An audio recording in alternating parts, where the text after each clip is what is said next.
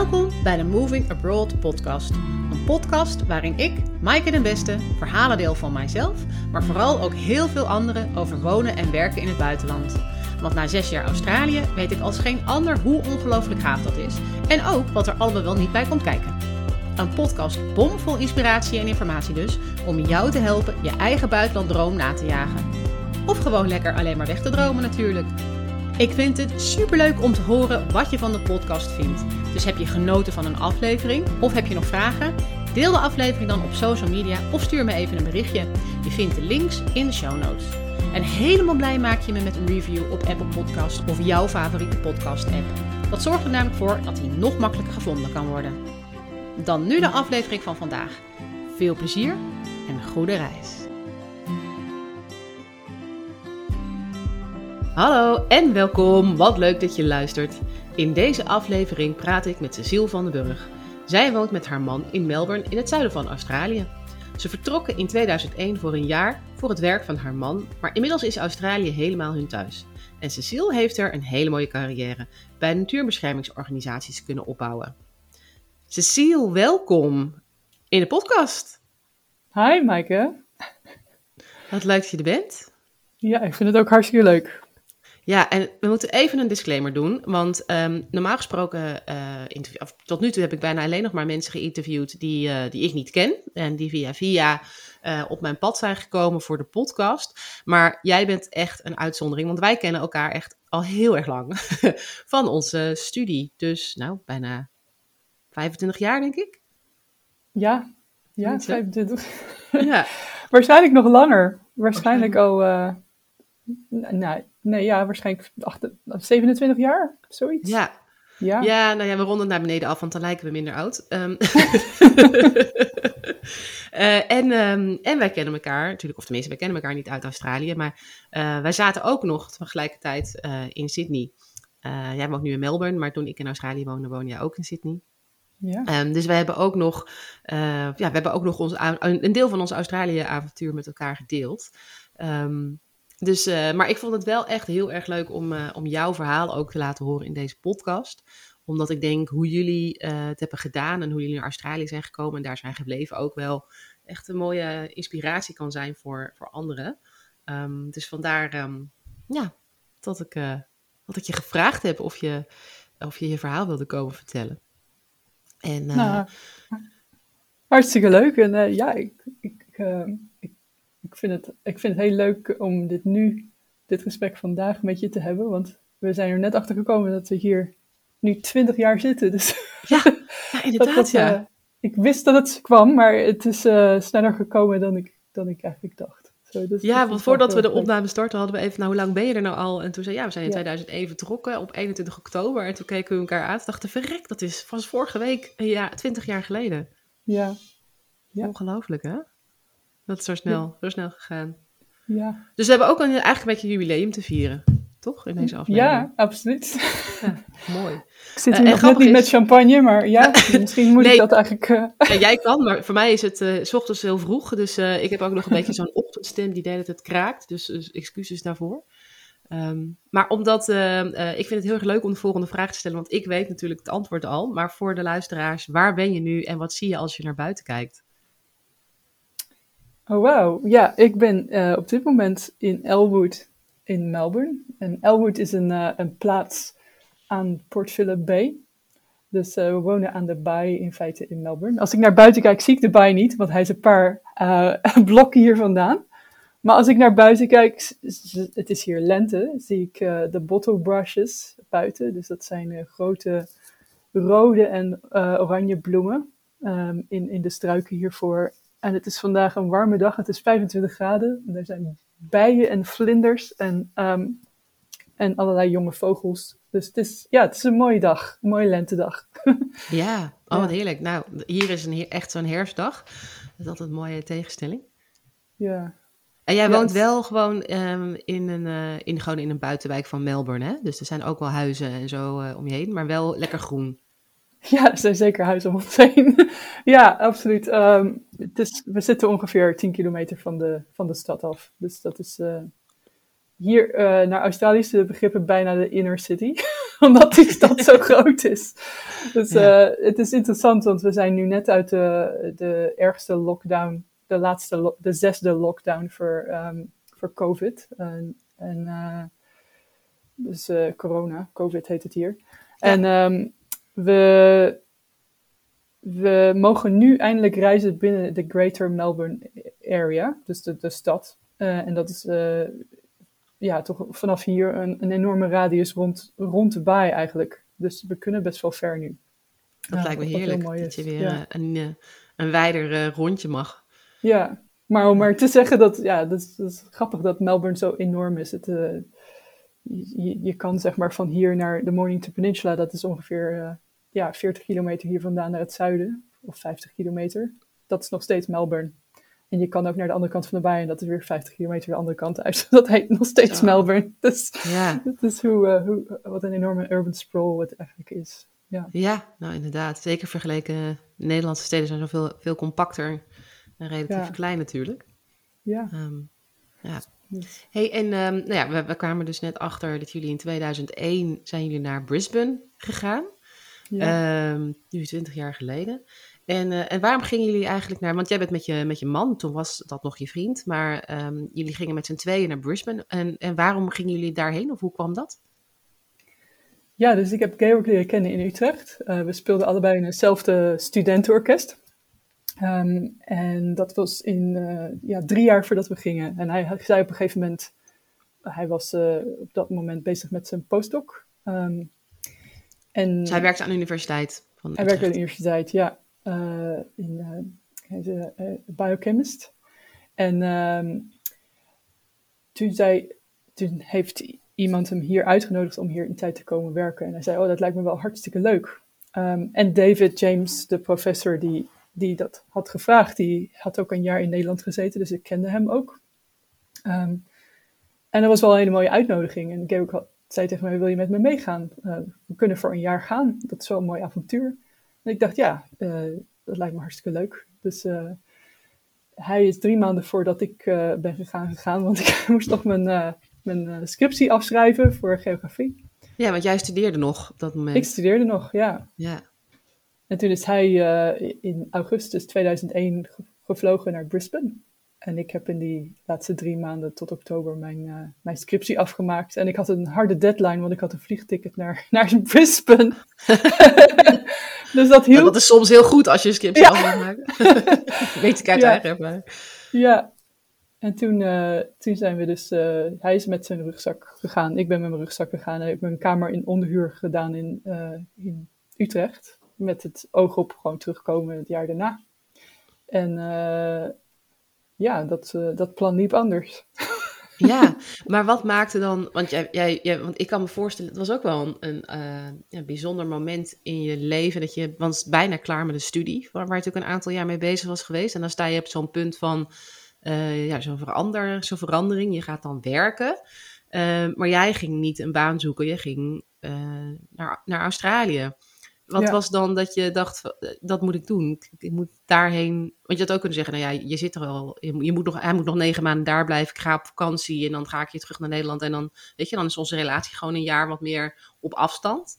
Ja. Of dacht jij avontuur? Ik ga ja, meteen... eigenlijk wel. ja, ik laat, die, uh, laat die baan en die toekomst nog maar even zitten of zo. Ja, ik had niet zo'n strak plan. Uh, misschien had ik, ik had wel een plan. Ik wilde eigenlijk de lerarenopleiding doen en dan bij een internationale school werken. Uh, ik dacht, dat, dat lijkt me wel leuk in geografie, want dan kom je allemaal mensen tegen uit de hele wereld. En ik had zelf ook als kind in België gewoond, wat natuurlijk niet zo ver is, maar wel een soort van in, in, op een school waar heel veel mensen uit het buitenland kwamen. En ik dacht, dat lijkt me best wel leuk om, om geografie te, ja, om aardrijkskunde docent te zijn, maar dan internationaal uh, curriculum en ook met, met, met, kinderen overal vandaan. Ja. Um, en, en, ik wilde dat ook in het Engels dus doen, toen ik mhm. terug, terug uh, het jaar daarna dat ik terug zou komen. En ik heb daar toen ook voor nog een, een, een zeg je dat, een application voor ingediend. Sorry, mijn Nederlands. Een aanvraag, een, een aanvraag voor ingediend. En, en ik zou dat ook gaan doen. Dat werd ook goedgekeurd. En toen heb ik uh, het jaar toch besloten van, nou, we moeten hier gewoon langer blijven. Er zijn nog andere dingen die we willen ontdekken. Um, dus uh, toen, toen we even, eenmaal in Australië waren, toen, ehm, toen ben ik eerst gewoon heel erg gaan verkennen. In, in Brisbane had ik, niet, had ik geen werk. Uh, we waren, kwamen in oktober. En zoals jij weet, uh, in december of kort voor december begint alles al uh, zich te, voor te bereiden op de grote zomervakantie. Ja, 13 dus december ligt alles stil, hè? Ja, ja, ja. ik zocht eigenlijk een vrijwilligersbaantje. Of in ieder geval, ik had allerlei dingen geprobeerd. En ik merkte al heel gauw dat dat dat heel moeilijk was in oktober, omdat alles al dicht bij de sluiting kwam. Dus ik dacht van, nou, ik ga er gewoon van genieten. Ja, jij zat eigenlijk te dicht op de grote, op de zomervakantie. Ja, ja. ja um, en, en toen werd het ook duidelijk dat uh, Georg's werk ging verhuizen. Dus hij heeft daar maar een half jaar gezeten in Brisbane en toen verhuisde zijn hele lab naar Sydney in januari. Dus we werden allemaal over, overgevlogen en al onze... Overgeplaatst, ja bezittingen, wat nog niet zoveel was, twee rugzakken en misschien nu hadden we een tafel en twee stoelen en uh, wat, wat, wat, wat borden. Ja, wat, wat IKEA-zaken gekocht voor, onze, voor ons kleine, kleine Queenslander huisje op poten. Um, nou, dat was echt een ervaring, vond ik, om in Brisbane aan te komen. Want ik dacht van, Australië is zo'n droog land, weet je, met de outback, dat heb je in je hoofd en de kangoeroes en... Rode aarde. Ja, en Brisbane is echt uh, subtropical, lush, groen. Overal ja, vogels die ik niet kende en, en kleuren die zo in je gezicht schijnen. De zon is zo fel en de, de, de, de, de geuren zo anders. Ik herinner me dat nog heel erg goed, dat aankomen op het vliegveld en denken, wauw, waar ben ik nu, weet je. Dat ja, is echt... Uh... Eigenlijk een soort van uh, zintuigen overload, bijna. Ja. ja. Ja, en als er een storm was, dan was het ook zo heftig ja, anders dan in Europa. Met heftige bliksem en, en, en, en onweer en, en, en regen. Die was als een monsoon. dat had ik nog nooit meegemaakt. En ook ja, temperaturen gewoon de, de boven douche de... aan uh, en uit. Uh. Ja. ja. En ik herinner me de eerste dag uh, met 36 graden en 80% luchtvochtigheid. Dat ik gewoon echt niks kon doen. En op, op mijn bed moest gaan liggen om bij te komen. Ja. Het is echt ja, een heel bijzondere ervaring wel, als je dat nog nooit hebt meegemaakt. Ik was nog nooit in de tropen geweest, dus dat was voor mij uh, ja, echt een, uh, een heel nieuwe ervaring. Ja. ja. Maar we gingen jullie dus al vrij snel, uh, moest je dat achter je laten en naar Sydney. Ja. En dat was oké? Okay? Ja, ik had, nou, ik had, omdat ik een Around the World ticket had gekocht voor mijn trip, dus ik, ik was op een backpackersvisum gegaan voor dat jaar.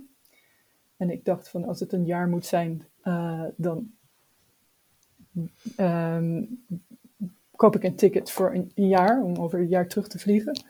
Maar daarbij kun je ook heel goedkoop uh, extra's kopen.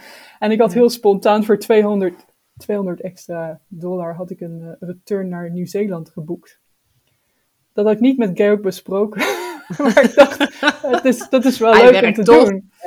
ik heb uh, um, nog geen uh, vrijwilligerswerk. Ik ga gewoon... Uh... Ja, dus we zijn toen in december nog naar Nieuw-Zeeland ook geweest voor onze eerste verkenning. En daar hebben we ook een lange wandeling gedaan um, op het Noordeiland. langs de vulkanen toen en zo. En toen in januari zijn we samen naar Sydney verhuisd. Ehm, ja, en dat ja, was weer spannend. een nieuw begin.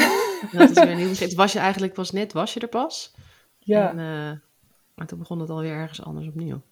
Ah, bijzonder. Ja. En hoe, um, um, uh, want jullie zouden voor een jaar gaan, maar uh, moest jullie zelf, moesten jullie zelf nog heel veel regelen? Of werd bijvoorbeeld een visum en behuis en zo via Georg's werk geregeld?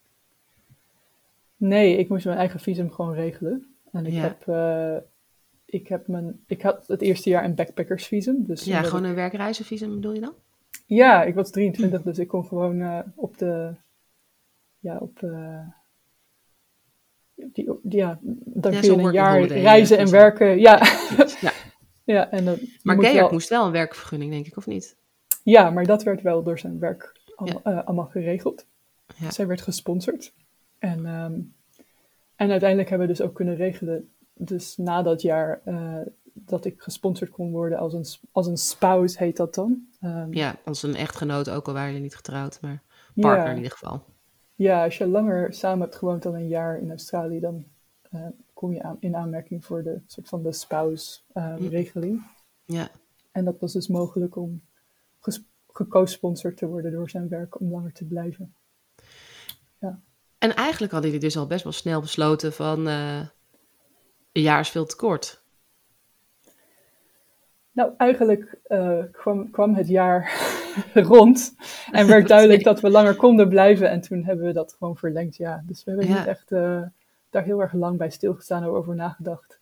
Nee. We dachten gewoon van, we kunnen nog, we kunnen nog een jaar blijven en kijken hoe het gaat. En ik, tegen die tijd, ik had in maart had ik een, eh, een baan gevonden.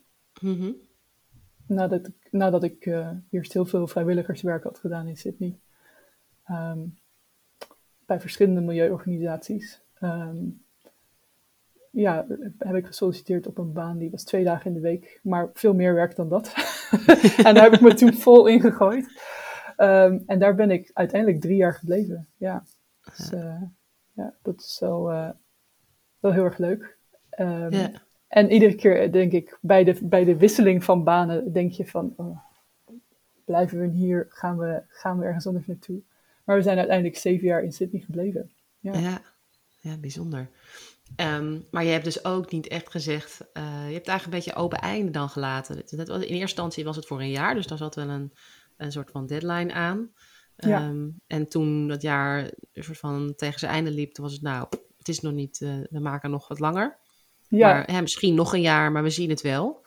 Ja, ik heb de eerste vijf jaar waarschijnlijk ook eh, ieder jaar gewoon een jaarticket gekocht. Dus na, dat ik na- binnen een jaar of na een jaar weer terug zou gaan naar Nederland.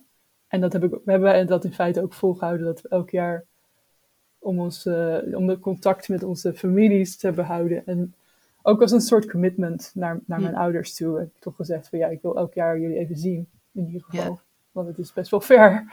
Ja, Maar dat is wel ook een commitment eh, naar je familie toe om dat te doen, weet je. Dat, eh, Ja. we, hebben, we hebben wel eens bedacht van 20 jaar eh, zo'n reis elk jaar. Daar zou je een mooi huis van kunnen kopen waarschijnlijk. maar, dit, maar dit was belangrijker. Ja, ja, ja familie is dan belangrijker dan een mooi huis misschien. Maar, ja. ja, daar moet je ook niet te veel over nadenken als je nee, elkaar is ook zo.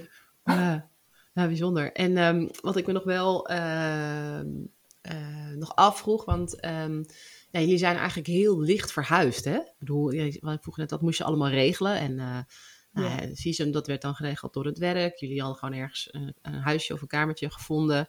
eh, wat IKEA-spullen aangeschaft.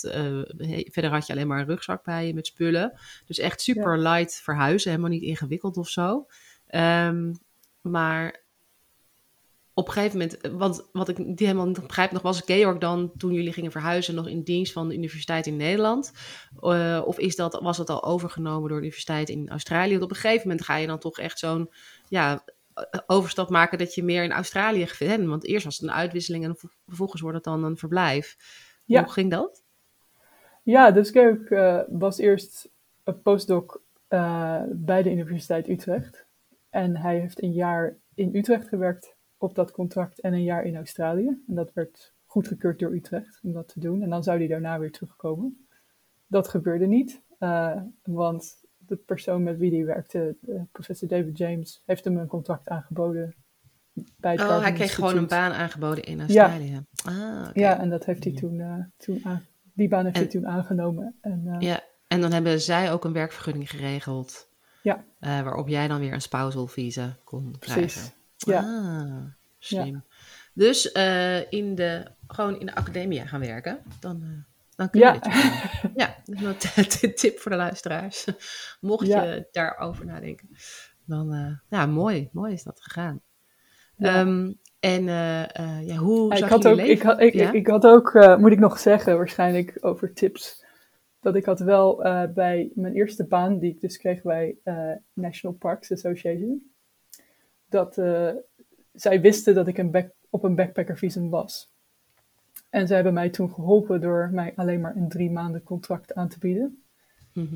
En daarna nog een drie maanden contract aan te bieden. Blijkbaar kon dat gewoon. Er was, er was geen autoriteit die daar naar vroeg of zo.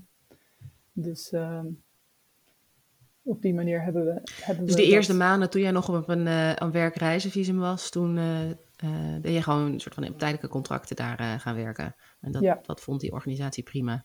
Ja. Dus en pas kon- toen je een spousalvisum kreeg, dan kon je pas echt een langer contract Ja. aangaan. Oh, ja. ja. Dus Het er klinkt allemaal zo makkelijk hè, als je erop trucjes. Ja. ja. Ja, Ja. En dus werkgevers die blijkbaar erg op zoek zijn naar eh goede mensen. Nou ja, ik denk eh, een combinatie van, eh, ja, ik was jong en, en, en, en super enthousiast over de baan. En Ja. ik denk dat ze waarschijnlijk een goede deal hadden. Weet je, ze hoefden me niet eh, verschrikkelijk veel te betalen, maar ik, ik, wilde heel graag daar werken en dat werk doen. Dus Ja.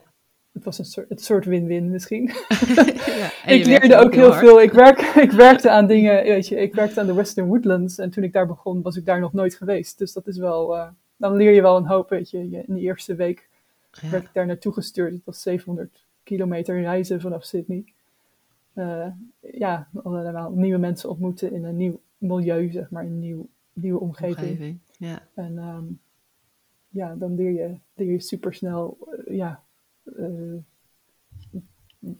contact te maken. En, en, en het was voor mij een groot avontuur, to be honest. Ja. En, eh, en hoe zag jullie leven er toen uit? Ehm, nou, we woonden in Darlinghurst. En eh, dat was het eerste jaar. Dus we zijn toen, dat is best wel inner city. En volgens mij heb je daar zelf ook gewoond. Ja, ik, Dus zeggen, ik, wist, ik wist, wist ik dat überhaupt, dat jij ook in Darlinghurst hebt gewoond? Maar goed, Ja, het eerste jaar. inderdaad, eh, op loopafstand ja. van de binnenstad, wat in Ja. Australië steeds bijzonder is. Eh, ja. Ja, en, ehm, nou ja, en op loopafstand van Gerrick's werk. Het was echt letterlijk twee minuten lopen. Dat is waarom we daar waarschijnlijk terecht zijn gekomen. Omdat het gewoon, het leek ons op, dat moment heel handig om in de buurt te zijn. Eh, en ik kon ook naar mijn werk lopen in de stad. Want, want ons kantoor was in, eh, in York Street, in de city. Dus dat was eh 20, 20, 30 minuten lopen. Dus we hadden geen auto, we hadden alleen maar fietsen. En ehm, en, en in de weekends probeerden we zoveel mogelijk ja, naar buiten te gaan eigenlijk. En dat, is, Ja. eh, niet, dat is niet echt veranderd in de afgelopen 20 jaar. Nee, ik zie altijd Ja. zulke mooie eh, foto's van eh weekenden op prachtige plekken voorbij komen, inderdaad. Op social Ja. media. Maar dus dus jullie hadden eigenlijk gewoon een heel ja, normaal leven met door de week werken en, en in het weekend de stad uit op avontuur.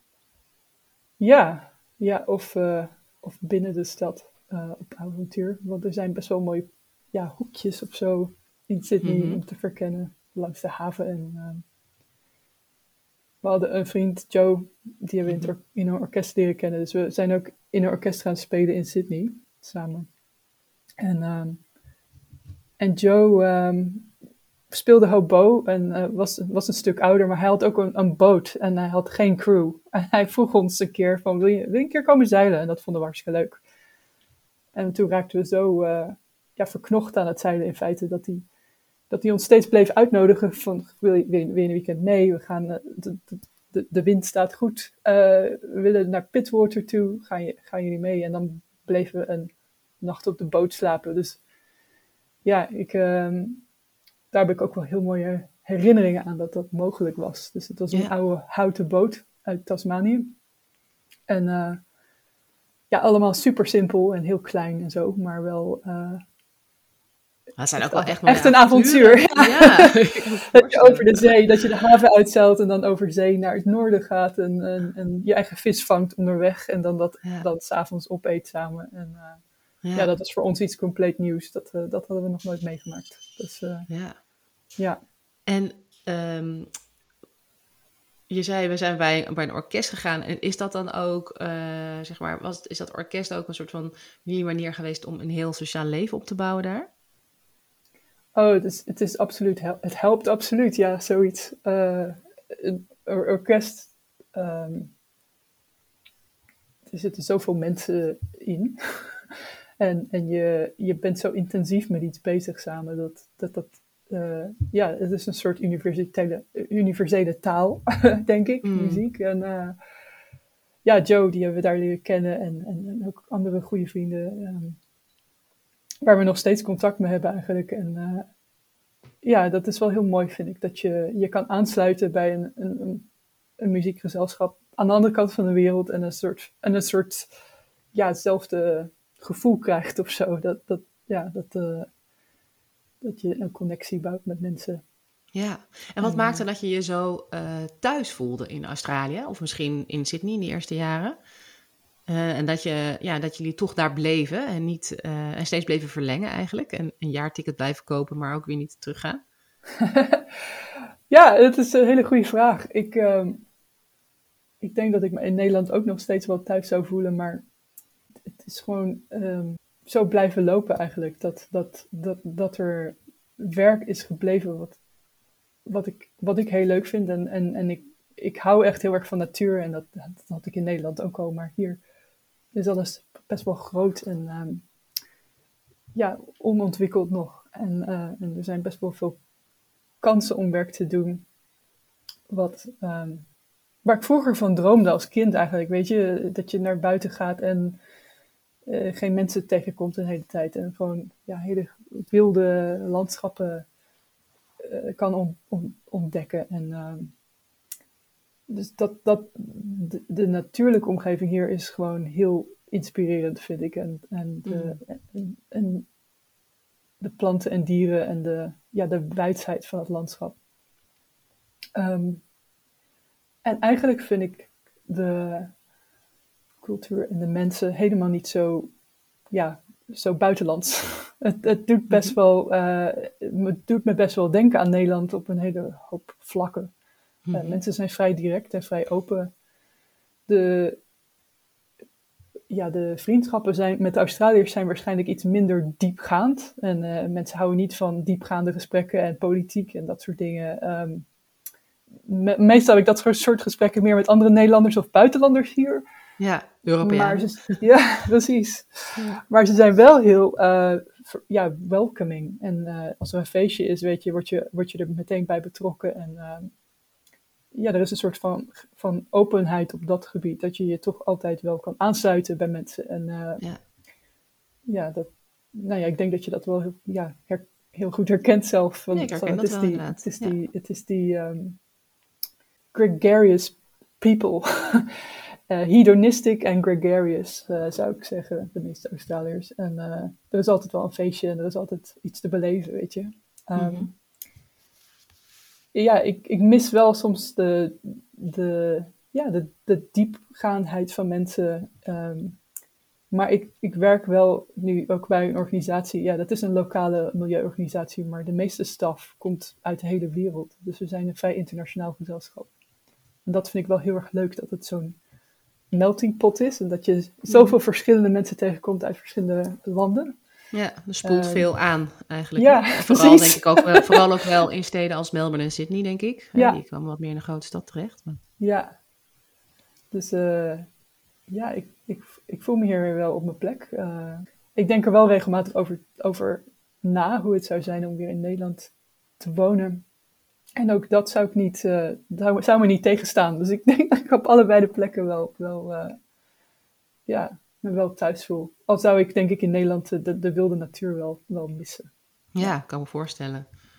Maar vice versa mis ik hier mijn familie soms heel erg. En zeker, weet je, in de afgelopen drie jaar met corona, we zijn gewoon niet terug geweest. Dat kon niet. Mm -hmm. Dus uh, ja, dat is ja. wel, dat is wel een, een heel groot, grote barrière op dit moment. Ja, dat snap ik wel. Um, en is het ook, jij hebt natuurlijk uh, ook echt je carrière daar opgebouwd. Helemaal, want je bent uh, verhuisd naar Australië op het moment dat je net afgestudeerd was. Met het idee voor een jaar. Uh, maar vervolgens heb je eigenlijk een hele carrière daar opgebouwd. Zou jij nog makkelijk in Nederland weer dat, dat door kunnen zetten? Ja, dat is een goede vraag. Um, ik heb wel de organisaties, de natuurbehoudsorganisaties in Nederland, hou ik in de, in de gaten, zeg maar. Ik ben nog steeds lid van Natuurmonument en ik lees ah. hun magazine. dus ik denk dat dat zou wel, dat zou zeker een organisatie zijn waar ik wel, uh, ja, mee uit de voeten zou kunnen komen. Of, of WWF of zo. Die hebben ook een kantoor in Nederland. Greenpeace. Maar um, ja, ik weet het niet eigenlijk. Ik, uh, ik, ik denk het wel, maar ik denk dat het moeilijker zou zijn voor Georg om terug te gaan. ja? Want uh, ja, want hij heeft uh, vrij gespecialiseerd werk. En er zijn echt maar zo weinig plekken um, in universiteiten om dat te doen. Mm -hmm. Dus ik weet niet of hij zo snel een baan zou vinden in Nederland. Ja, ja hij is onderzoeker? Ja, en hier, en, en, en dat is ook dus wel een grote factor. Hij heeft hier, dus in, over de afgelopen twaalf jaar dat we in Melbourne wonen nu, ehm, ja, een lab in elkaar gezet en opgebouwd. En er zijn alle, allerlei instrumenten bij gekomen. Dus hij, hij heeft best wel veel geïnvesteerd daarin en, en is, daar, is daar heel ja, intensief mee bezig, zeg maar. Dus dat is, dat is denk ik best moeilijk voor hem om dat achter te laten of om, om ergens anders naartoe te gaan. Ja, snap ik wel. Dat, dat, is, dat is toch wel. Uh, dat zijn materialen die op die plek staan en die kun je niet mee verhuizen, zeg maar, naar een andere Nee, een laboratorium is vaak fysiek. Uh, ja, is ja. heel erg fysiek, hè? Ja. ja. Ja, dus het is eigenlijk vooral zijn werk wat jullie nu een soort van in Australië houdt. Dat klinkt dan heel zwart-wit misschien, maar uh, dat is ook helemaal niet erg misschien. Maar uh, ja, wat echt meer locatiegebonden is. Ja, want ik heb zelf best wel eens plannetjes om uh, bijvoorbeeld een tijdje in Tasmanië te wonen of zo. Zou me hartstikke leuk lijken. Ja. Want dat vind ik een heel mooi eiland. En, en gay ook ook. Maar dat zou qua werk voor hem niet heel goed werken. Ja, maar hoe dan? Ja. Want ook dat, kan, dat werk is ook moeilijk op afstand te doen in een laboratorium, ja. kan ik me voorstellen. Ja. Ja. ja, met corona hebben we natuurlijk wel veel gezien dat heel veel dingen kunnen wel op afstand, maar dus er blijven nog steeds dingen die gewoon uh, moeilijk zijn. Uh, ja. Maar waar kwam dan, of kwam er een moment waarop je je realiseerde, of waar jullie je allebei realiseerden, of misschien een keer s'avonds aan de keukentafel gingen zitten en een gesprek hadden van oké, ehm, dit wordt het wel, dit blijft het wel voorlopig, dit, dit leven in Australië? Of is het gewoon heel geleidelijk doorgelopen? Of, of is, was er eigenlijk, eigenlijk is mijn vraag, was er een omslagpunt waarin het niet meer een leuk avontuur werd, maar echt gewoon, ja, zo, zo was het leven en, en dit is jullie plek? Ja, dat is echt een heel goede vraag. Ik, ik weet eigenlijk niet of er echt een omslagpunt was. We, we zijn gewoon eigenlijk ingesprongen in het leven. En dat is niet, dat, dat heeft geen stop gehad. Dat is niet opgehouden, zeg maar.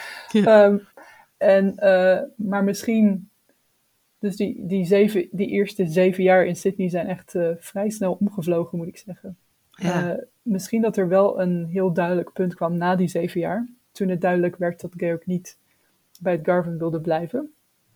Of in ieder geval niet in die positie. En, en, en toen zijn we ook gaan kijken, wat zouden de steden zijn waar we hierna zouden kunnen wonen. Want jullie zijn uh, uit Sydney weggegaan vanwege zijn werk, uiteindelijk?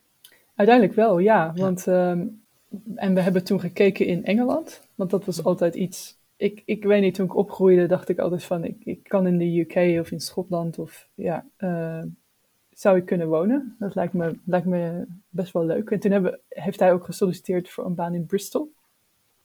Um, dat is het uiteindelijk niet geworden. En toen, eh, toen zijn we dus ook uh, met een soort van vergrootglas naar Melbourne gaan kijken. En dachten van wauw, eigenlijk komt dat.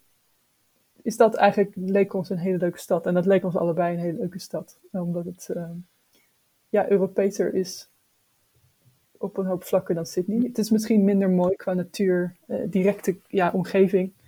Maar we waren gewoon nieuwsgierig naar, ja, naar de cultuur in Melbourne en de, een soort van meer Europese ja, uh, vibe die het heeft. Europese vibe dat het heeft, ja.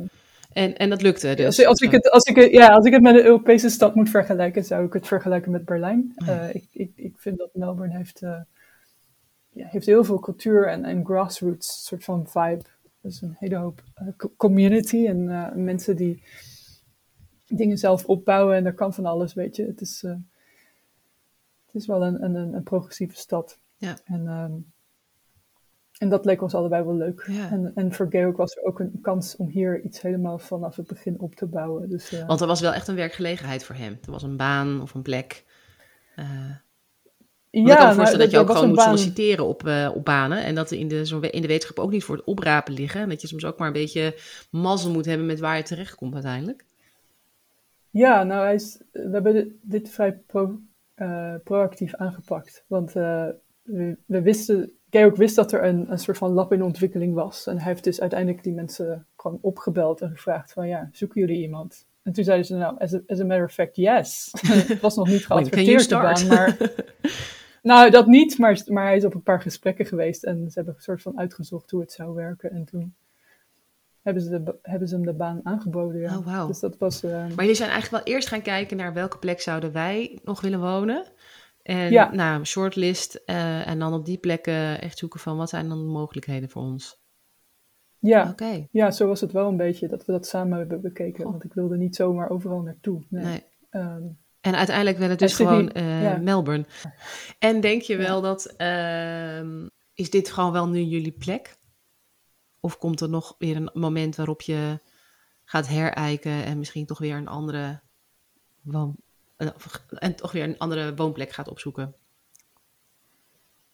ja, dat weet ik eigenlijk niet. Voor onszelf eh, is dit, is, is dit wel onze plek. Maar als ik denk aan familie, dan is het fijn om dichterbij te zijn. Ja. Dus, eh, en dan is zelfs Vancouver een heel stuk dichterbij dan Ja. Melbourne. dat klinkt raar, maar dat is wel zo. Het scheelt een heel Als je bedenkt dat dat uur vliegen 24 uur eh, vliegen is, ja. ja.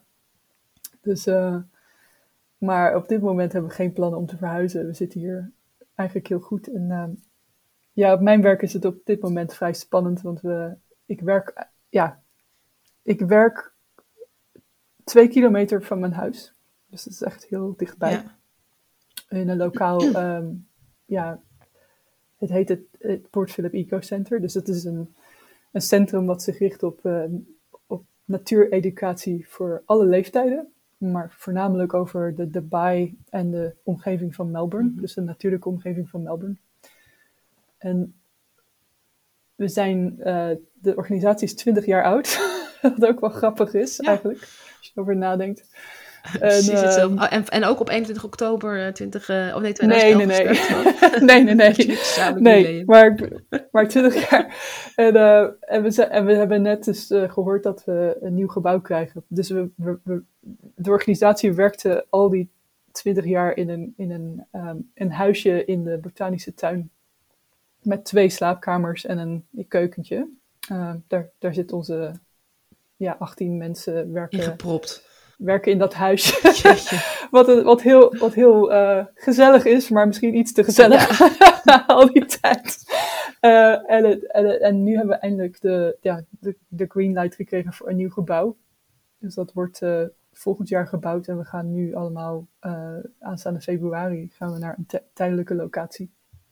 Maar we hebben dus ons team breiden we uit en we, we, ja, we zijn echt in, in een soort van groeispurt eh, bezig met, de- met het opbouwen van het nieuwe centrum. En dat is wel heel spannend om dat te doen en ehm, om daar een onderdeel van te maken. En omdat het zo lokaal is, dus eh, zeg maar alle lokale planten en dieren, eh, we, we verbinden de lokale mensen en mensen van, van verder weg daarmee. Mhm. Ehm, en ik vind het wel heel erg leuk werk. Ja, dus Eh. jij wil eigenlijk, je hebt eigenlijk de komende jaren nog genoeg te bouwen hier op je werk. Ja, Ja, waarschijnlijk wel. ja. Ehm, tenzij er iets leukers op het pad komt, dan eh, ja houd altijd maak ergens ik de sprong. alle, alle opties open. Ja. maar je zit ook wel, je hebt ook wel qua werk nu ja, de komende jaren eh, interessante dingen op je bord. Ja, het is in ieder geval, eh, het blijft dyna- dynamisch en dat, dat vind ik belangrijk, dat je, dat je het idee hebt dat je, dat je iets nieuws kan doen, dat het niet steel wordt of hetzelfde. Ja. Ehm, ja, dan, dan houdt het voor mij gauw op, denk ik. Ja, dus eigenlijk, ondanks het feit dat je nu 20 jaar in Australië woont, eh, is er, blijft er wel steeds vernieuwing. Eh, nu weer misschien met een nieuwe fase in je werk. Eh, of misschien was het wel ook wel van Sydney naar Melbourne weer verhuizen. Ja, Ik heb het idee dat het ook gewoon nog wel gewoon tien jaar zo door mag. Maar dat als er een andere mooie kans zich voordoet, dat ook eh, serieus bekeken wordt.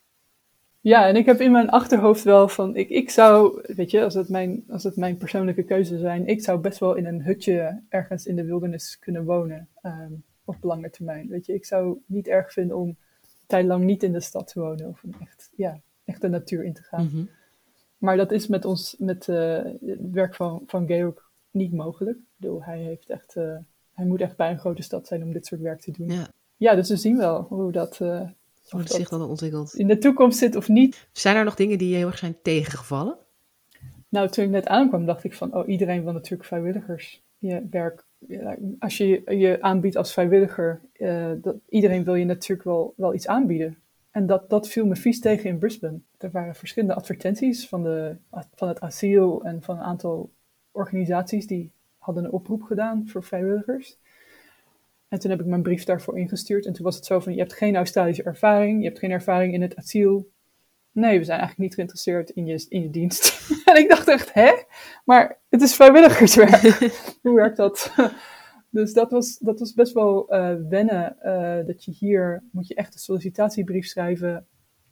En echt je, je skills, ja, opschrijven. Van wat kan je bijdragen aan een organisatie. Dat viel me aan het begin heel erg tegen. Dat ik dacht, oh, dat wordt nog, dit wordt nog lastig om om vrijwilligerswerk te vinden. Ja. Mensen die me willen, uh, ja, uh, uh, willen leren hoe het hier werkt, zeg maar. Dus voordat ik die baan kreeg in Sydney, heb ik ook, um, het was volgens mij drie, drie maanden, heb ik vrijwilligerswerk gedaan op verschillende plekken. Um, en ik heb zelfs memberships verkocht voor de Wilderness Society aan het begin.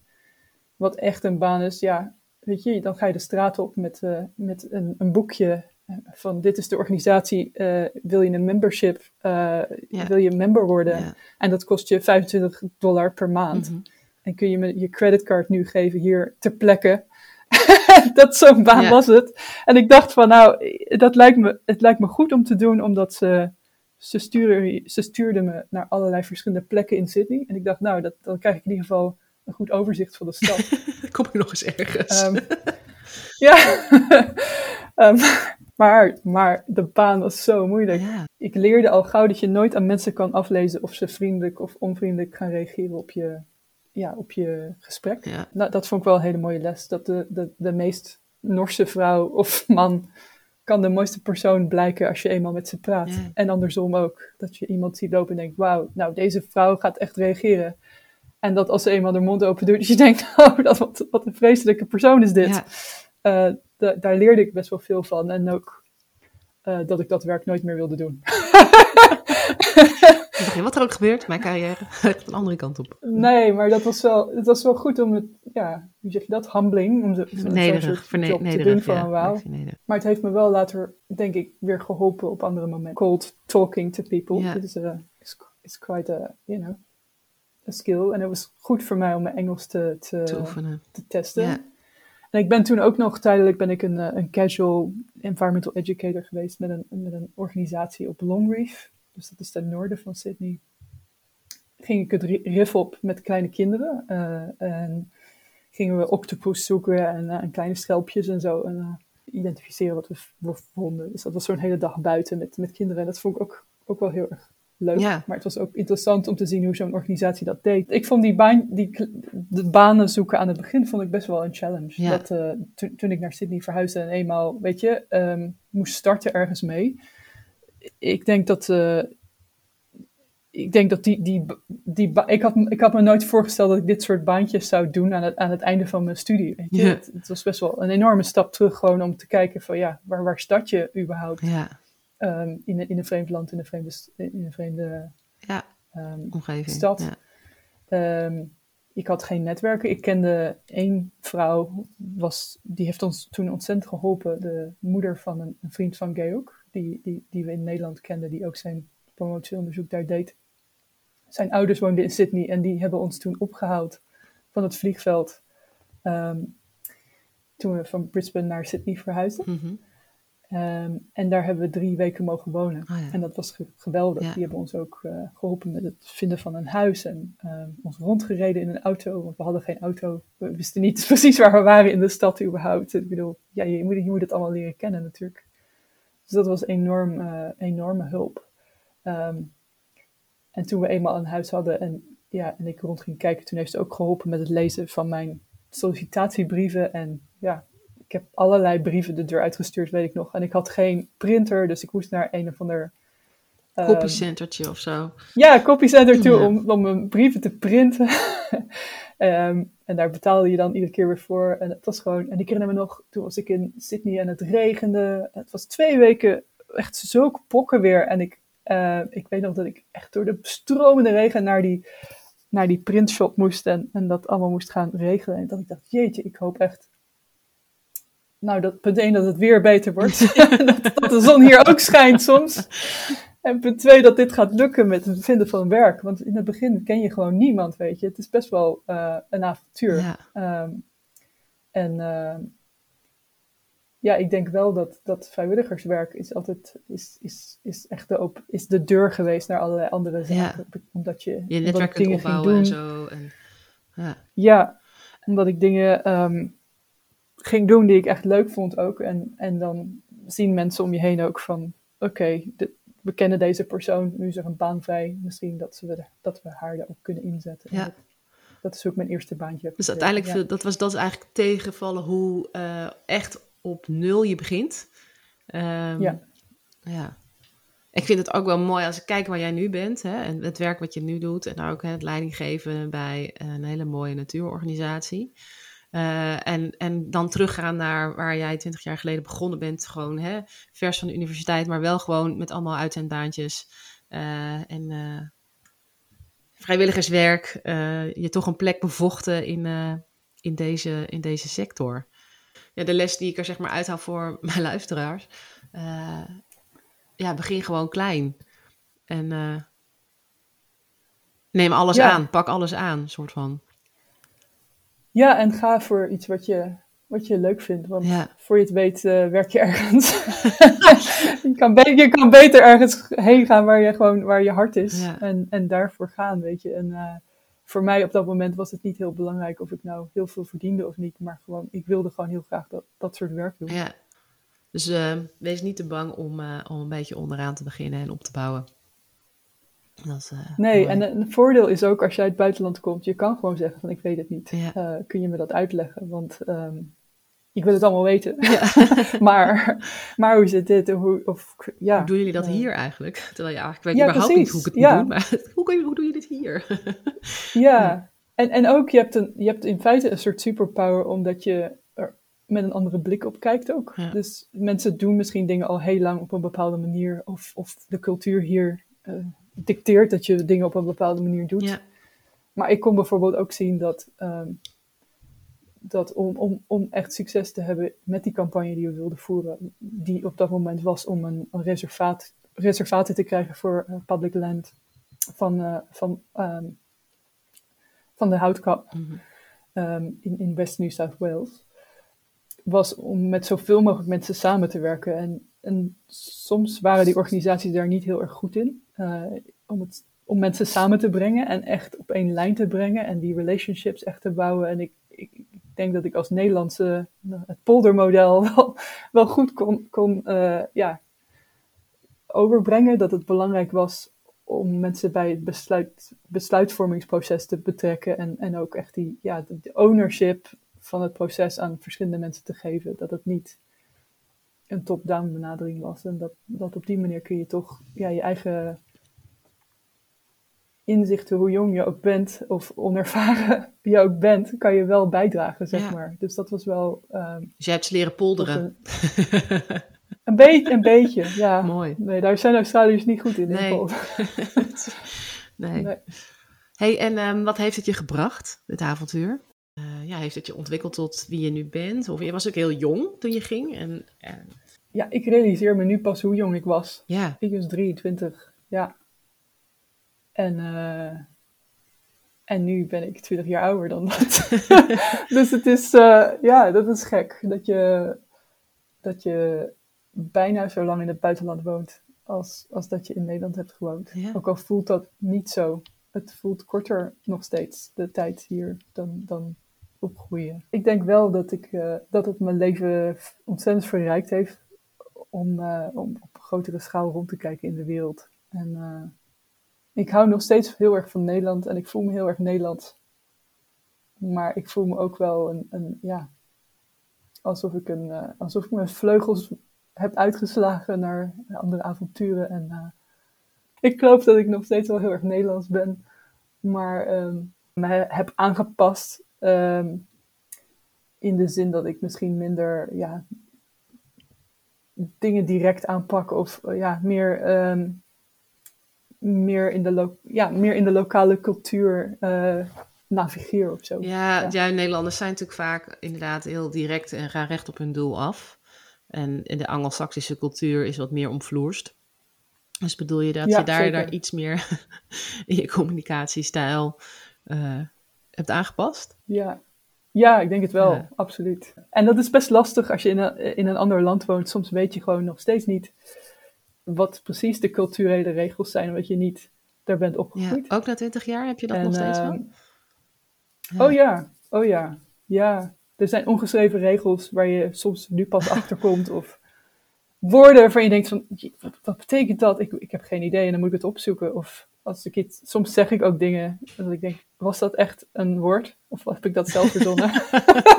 Ehm, maar ja, het, is, eh, het, blijf, het blijft omdat je ergens anders naar school bent geweest en je bent opgegroeid. Dat, dat blijft ehm, toch, Ja. toch zoeken. Ja.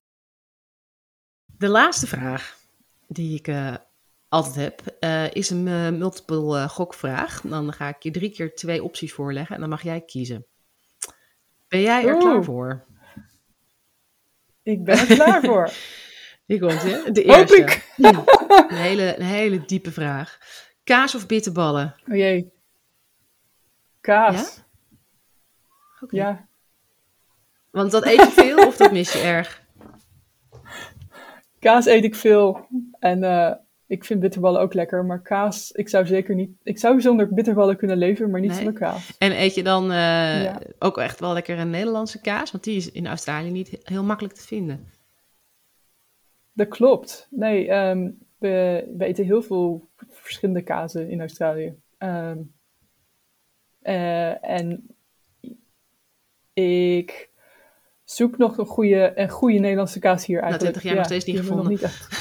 ja, Dat komt door die stomme pasteurisatieregel volgens mij, eh, toch? Maar goed, dat is weer een heel ander verhaal. ik weet het niet, maar eh, Gat in de markt, mensen, voor wie nu luistert en kaas kan maken. Eindelijk eens een keer lekker een Nederlandse kaas in. Volgende. Zeilen of schaatsen? Zeilen. Ja. Had ik eigenlijk wel kunnen weten. hè? Maar op de Friese meren kun je ook zo mooi schaatsen, Cecile. Ja, dat weet ik. Maar ik, ik vind schaatsen ook geweldig. Maar zeilen is, eh, is wel een passie. Ja. Ik heb hier ook een klein bootje. Ah, Dus, ja, een klein bootje in de, en dan ga je mee, Ja. eh, kun je op de baai, in de baai zeilen? ja. Ja, mijn lasertje. Ah. Dus, eh, ik moet hem wel, ik moet hem wel wat TLC geven. Want eh, ik heb hem een tijdje niet gezien. Met alle corona 18 maanden lang. Dat is eigenlijk de grootste slachtoffer van de coronacrisis, is jouw, eh, is jouw zeilbootje. ja, waarschijnlijk Oh. wel. Wat Ja. zielig. Ja. Ja. Ehm, de laatste. Hema of Heineken? Heineken. ik hou van bier. Dan, eh, ja, en Heineken de proef smaakt hier prima. Is echt, eh, Ja. Maar dan nog liever Grols. Nog liever Grols. Kan je dat ook krijgen dan? Ja, Oh, nou je kijk moet wel zoeken. Je moet wel zoeken. Maar eh, ja, eh, de biertjes, eh, biertjes gaan er nog steeds erg goed in. Ja, Lekker. Kaas, zeilen en... eh, nee, ja, kaas, zeilen en Heineken eh, schrijven we op. ja Eh, in die combinatie. ja, Eerst zeilen en dan na de afloop eh, een blokje kaas en een, eh, en een lekker biertje. ja. Ik vind het een, een mooi recept voor een mooie zondagmiddag. Bedankt Cecile voor het delen van je verhaal. Eh, ik vond het super superleuk om, eh, om je te interviewen en eh, ook nog weer een heel aantal nieuwe, nieuwe dingen te horen. Ondanks het feit dat ik je al zo lang ken en voor een deel je leven in Australië ook zelf hebt meegemaakt. Eh, dus heel erg bedankt. Nou, ik vond het hartstikke leuk, Mike. Dankjewel voor het interview. Ja, Uh, ja, hier is tot de komende 20 jaar. ja precies. Op de komende 20 jaar. Dankjewel voor het luisteren naar deze aflevering van de Moving Abroad podcast. Ik hoop dat je ervan hebt genoten. Laat me even weten wat je ervan vond. Triggerde de aflevering iets bij je bijvoorbeeld? Of heb je een vraag over het verhuizen naar het buitenland? Connect even met me op Instagram. Je vindt de link in de show notes. Wil je meer buitenlandverhalen? Abonneer je dan op deze podcast in Spotify, Apple Podcasts of waar je dan ook naar podcast luistert. Dankjewel alvast en ik zie je heel graag in de volgende aflevering.